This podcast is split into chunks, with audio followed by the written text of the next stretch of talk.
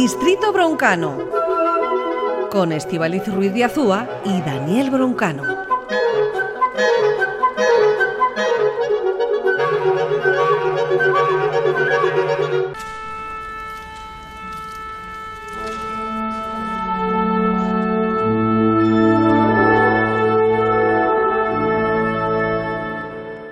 Orquesta está preparada y dispuesta en un rincón de nuestro estudio, Daniel Broncano. Ya ves que la tenemos eh, bien administrada el tiempo, ¿eh? Sí, la verdad es que se portan bastante bien, pero además se portan bien de, estar esperando estas dos horas y pico para, para, luego afinar justo. Sí, sí, sí. Nosotros al principio mm. tienen que entrar los maestros, evidentemente. No pueden luego molestar porque luego estamos aquí, metes sillas, sacas sillas. No, ellos esperan a esta sección, evidentemente. Es que somos así de disciplinados, los músicos. Tenéis que ser muy disciplinados los músicos. Hay mucho tiempo de espera en el, tema de la música. Claro, y para más ese tiempo de espera hay que saber administrarlo muy bien. Hay, hay ciertas partituras donde de lo más importante es saber contar eh, los compases exactos hasta que empiezan. Aquí, sin embargo, claro, está la voz de Estivali diciendo unos pies que son inequívocos. Y todo el mundo además se pone firme y lo hace. Tal cual. Es tal cual. También los trombones y las tubas. Claro, es que hoy traigo una fauna musical interesante. Esta es la parte grave de los metales, de los instrumentos de metal, eh, trombones y tubas. Em, el trombón, para, bueno, para hablar del trombón tenemos que remontarnos al Renacimiento a un precursor del trombón que es el sacabuches.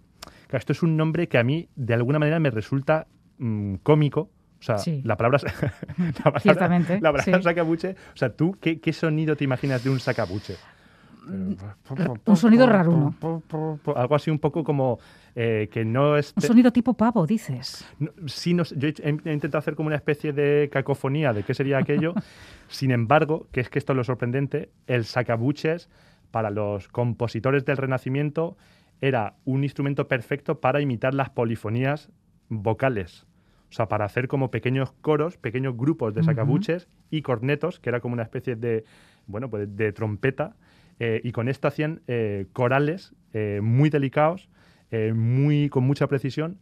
así que este es el origen del trombón, son estos sacabuches que si quieres escuchamos ahora mismo.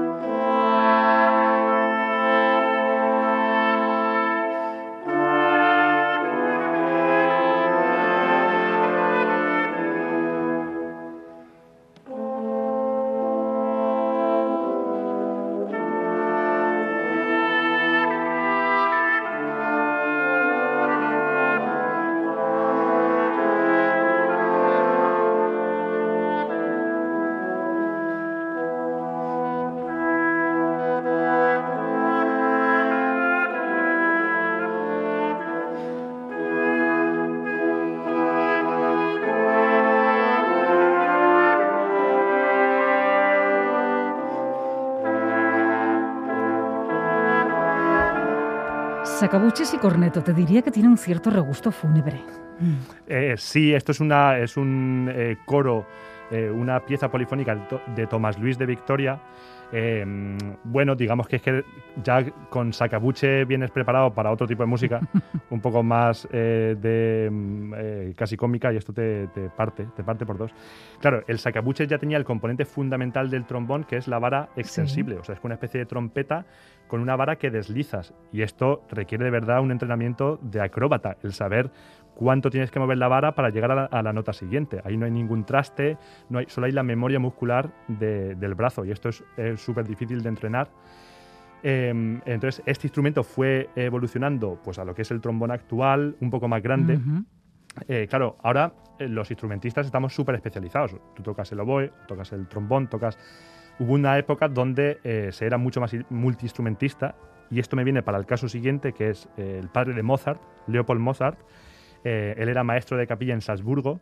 Entonces, para, para, esta, para la orquesta de la, de la, corte, hicieron una audición en la que querían a alguien que tocase el violín y la trompeta y el trombón. Es decir, que supiese tocar todo. Todo. Todos estos tres instrumentos eh, para poder hacer una reducción de plantilla. Supongo yo que fue el primer ERTE, fue el primer... Hay que ahorrar. Fue, Mm. El, el- los ERES... Amortización de plazas se dice también. Sí, los ERES se crearon en la capilla de música de Salzburgo, ahí donde lo inventaron. Entonces apareció este tío que se llamaba eh, Thomas Schlatt, eh, que era un fenómeno en todo. Entonces, eh, a- eh, aprobó como violinista, como trompista y como trombonista. Leopold eh, era un tipo avieso, hombre, para, para cultivar a Sí. Wolfgang Amadeus hay que tener bastante ojo. Y entonces, eh, pues hizo que este hombre recayese allí en la capilla de Salzburgo y le escribió como la primera obra solista eh, para trombón. Es un trombón alto, o sea, es un trombón un poco más pequeño que los que vemos normalmente en una orquesta, que son tenores. O sea, que veremos que suena un poco más agudo. Y siempre tiene esa característica pues, de ese movimiento que oscila entre una nota y otra por, por, bueno, por la vara extensible.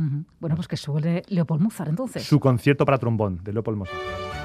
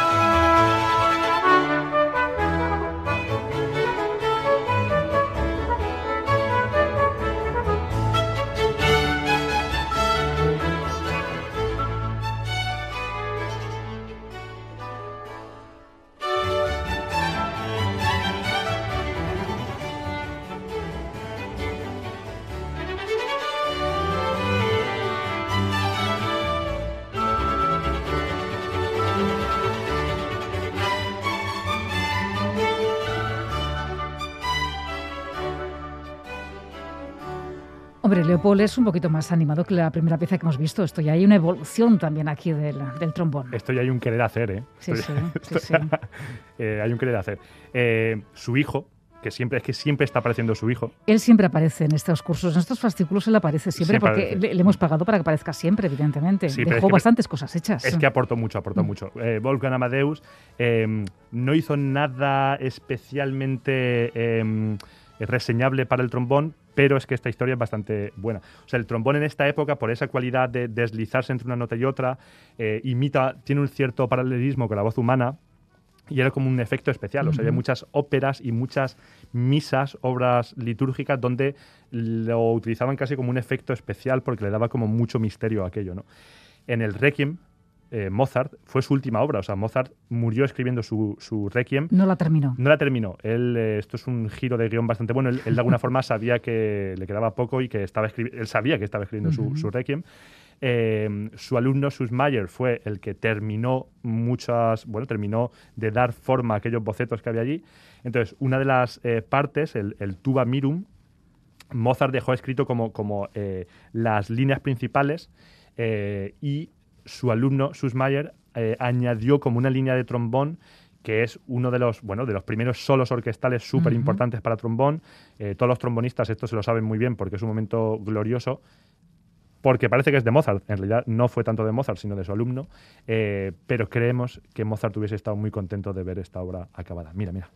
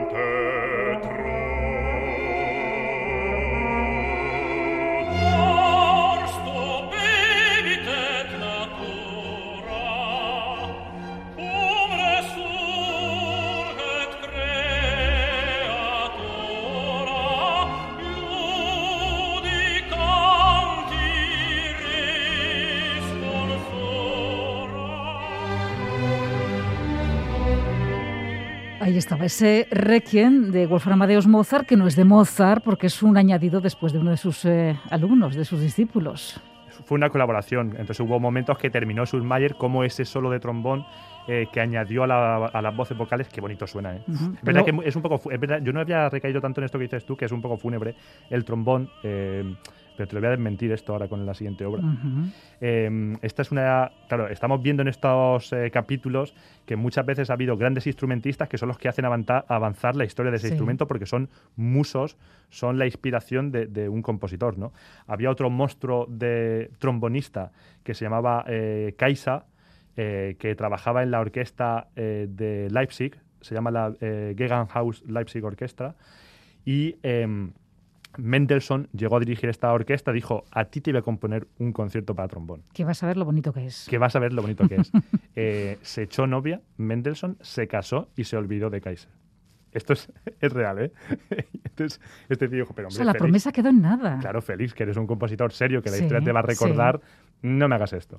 El concertino, o sea, como el primer violín de la orquesta, eh, Ferdinand David, eh, que también era compositor, mm, dijo, Félix ha pasado de ti, tú eres muy bueno. Es que además estamos en un momento de la historia del trombón donde había polémica de si ese instrumento con esa vara extensible, que era muy difícil de calcular, si aquello se podía tocar así, porque hicieron otra versión con pistones, o sea, con botones como la trompeta, eh, más práctico de, una, de alguna forma, pero a la vez eh, perdía la capacidad fundamental de deslizarse entre una nota y otra. Ferdinand David vio a Kaiser desolado porque Mendelssohn le había dejado, se había olvidado de él. Por cualquiera, además. Mm, bueno, por su mujer, pero oye, es que aparte de tu mujer estaba ese tío esperando a que te compusieses. y entonces eh, Ferdinand David hizo este concertino para este monstruo del trombón que era Karl Taugot Kaiser.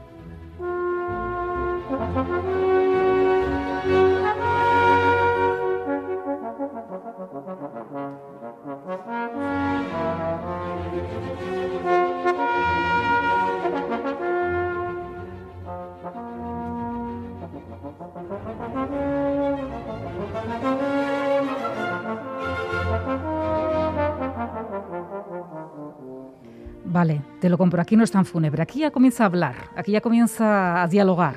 ¿eh? Parece, que le falta hablar, le falta decir algo. Eh, eh, sobre todo porque este instrumentista debía ser bastante especial. Por eso Mendelssohn le prometió un concierto, luego pasó de él y tuvo que venir este Ferdinand David a, a componerle algo. Bueno, se quedaría contento por lo menos. Muy contento, muy contento. Hubo otro compositor que hizo algo bastante diferente con el trombón, no tanto resarcir a un compañero de su lado, esto es Saint-Saëns, Saint-Saëns, compositor francés, eh, ha sido como uno de los grandes, eh, de los últimos compositores que se hizo muy famoso en su vida, pero muy famoso, eh, para él era un agobio, además lo contaba mucho que él era también pianista y prácticamente no podía salir a la calle. Esto es principio de los años del siglo XX eh, se llegó a ir a, Egipto y todo porque decía que... Esto era un sálvame, vamos. Era un sálvame. Pero ¿cuál, qué compositor de música clásica hay ahora que sea un... O sea, ¿tú, tú agobiarías a algún compositor eh, porque es que no puedes contenerte de pedirle un, autógrafo, por ejemplo? Pues con Sansans a la gente le pasaba. Entonces, eh, se tuvo que ir a Egipto un tiempo para ver si allí le dejaban tranquilo. Decían, aquí no me conocerán. la prensa francesa mm, lo contó igual, Sansans se ha ido a Egipto. En cierto momento acabó yendo a la Expo de San Francisco, eh, para presentar, bueno, pues como artista invitado de Francia, para tocar el piano, presentar sus obras, y dijo, me hace falta algo un poco especial, un poco diferente, entonces compuso la obra que vamos a escuchar ahora, que es una, eh, se llama Cavatina, para trombón y piano. Sansans era un tío súper talentoso, pues la gente es que no se podía retener de pedirle autógrafos, eh, y cualquier piececita como esta, que es pues una pieza de ocho minutos para trombón y piano, es una maravilla, es una maravilla. Así que vamos a escuchar eh, esta cavatina para trombón y piano de Camille Saint-Saëns.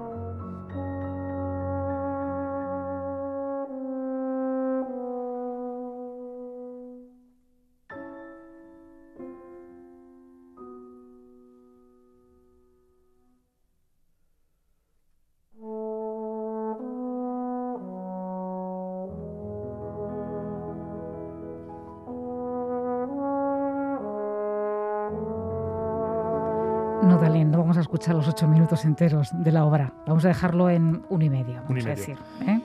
Eh, nuestra siguiente pieza. Eh, esta sí que va a terminar de romper el karma fúnebre del trombón. Ujú. Esto es de otro compositor francés, Jean Francais.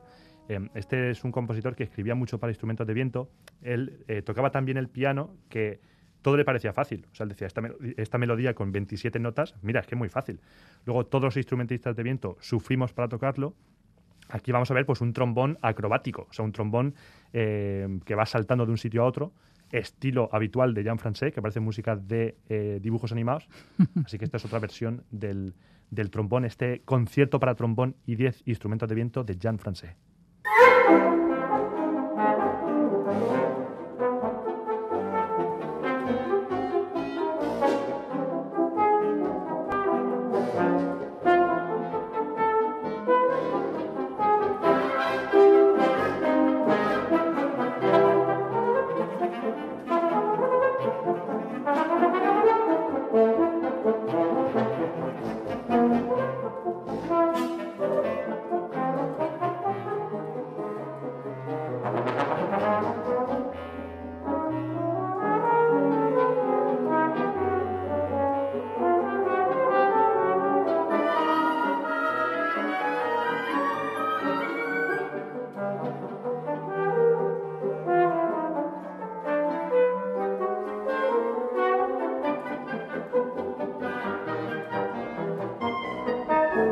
Vemos que es un instrumento para eh, virtuosos y para virtuosos también, ¿no? En este. Totalmente, sobre todo porque este entrenamiento que hay que hacer de, de recordar con el brazo dónde está cada nota, es que esto es loable, ¿eh? saber, saber eso exactamente, de cuánto tienes que tender- extender el brazo para llegar a cada nota.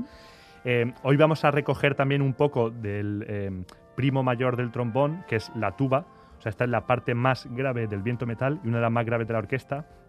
Es un instrumento que viene un poco del serpentón. Son estas, Sí. eh, pues estos grandes eh, cuernos que hacían como pues este eh, serpentamiento Sí. para mm, poder gestionar ese tubo tan largo.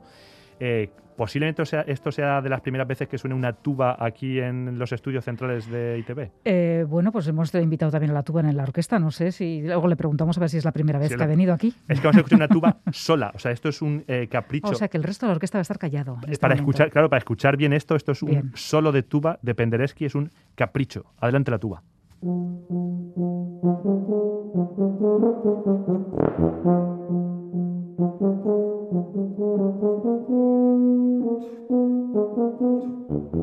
嗯嗯嗯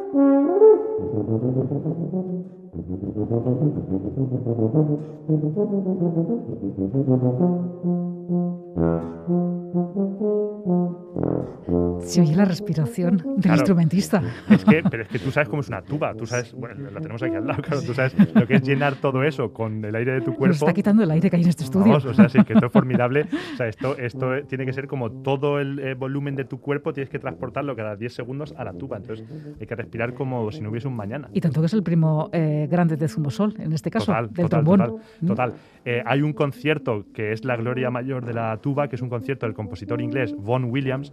A mí me gusta porque hay compositores que son como muy intelectuales. si, le preguntas sobre su obra, te dan una explicación eh, de 27 páginas.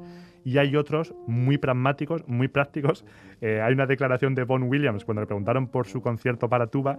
Eh, Vaughan Williams, mm, ¿cómo es tu concierto? Y él dijo, es una obra bastante simple y bastante obvia. Se puede escuchar sin mucha explicación previa. ¿Qué más vamos a decir? ¿Y para qué estamos nosotros aquí entonces? Para constatar, para constatar que esto no hay que más que escuchar a la tuba y disfrutar. ¿Nos vamos a quedar con ella para terminar entonces? Yo creo que sí, yo creo que sí. Cerramos este curso de musicología e instrumentología avanzada por fascículos con este sonido, ¿eh? porque como no necesitamos explicación, con ello lo dejamos. Llenarse de tuba, esto es todo lo que yo Daniel Broncano, es que ricasco. Es que ricasco, un besazo. Agur. Agur.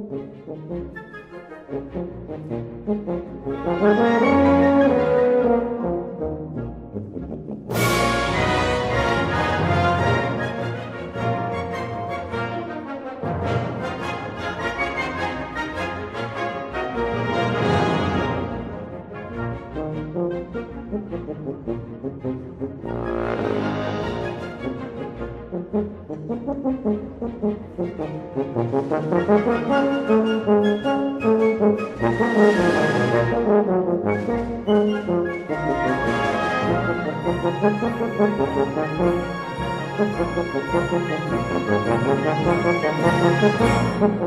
you.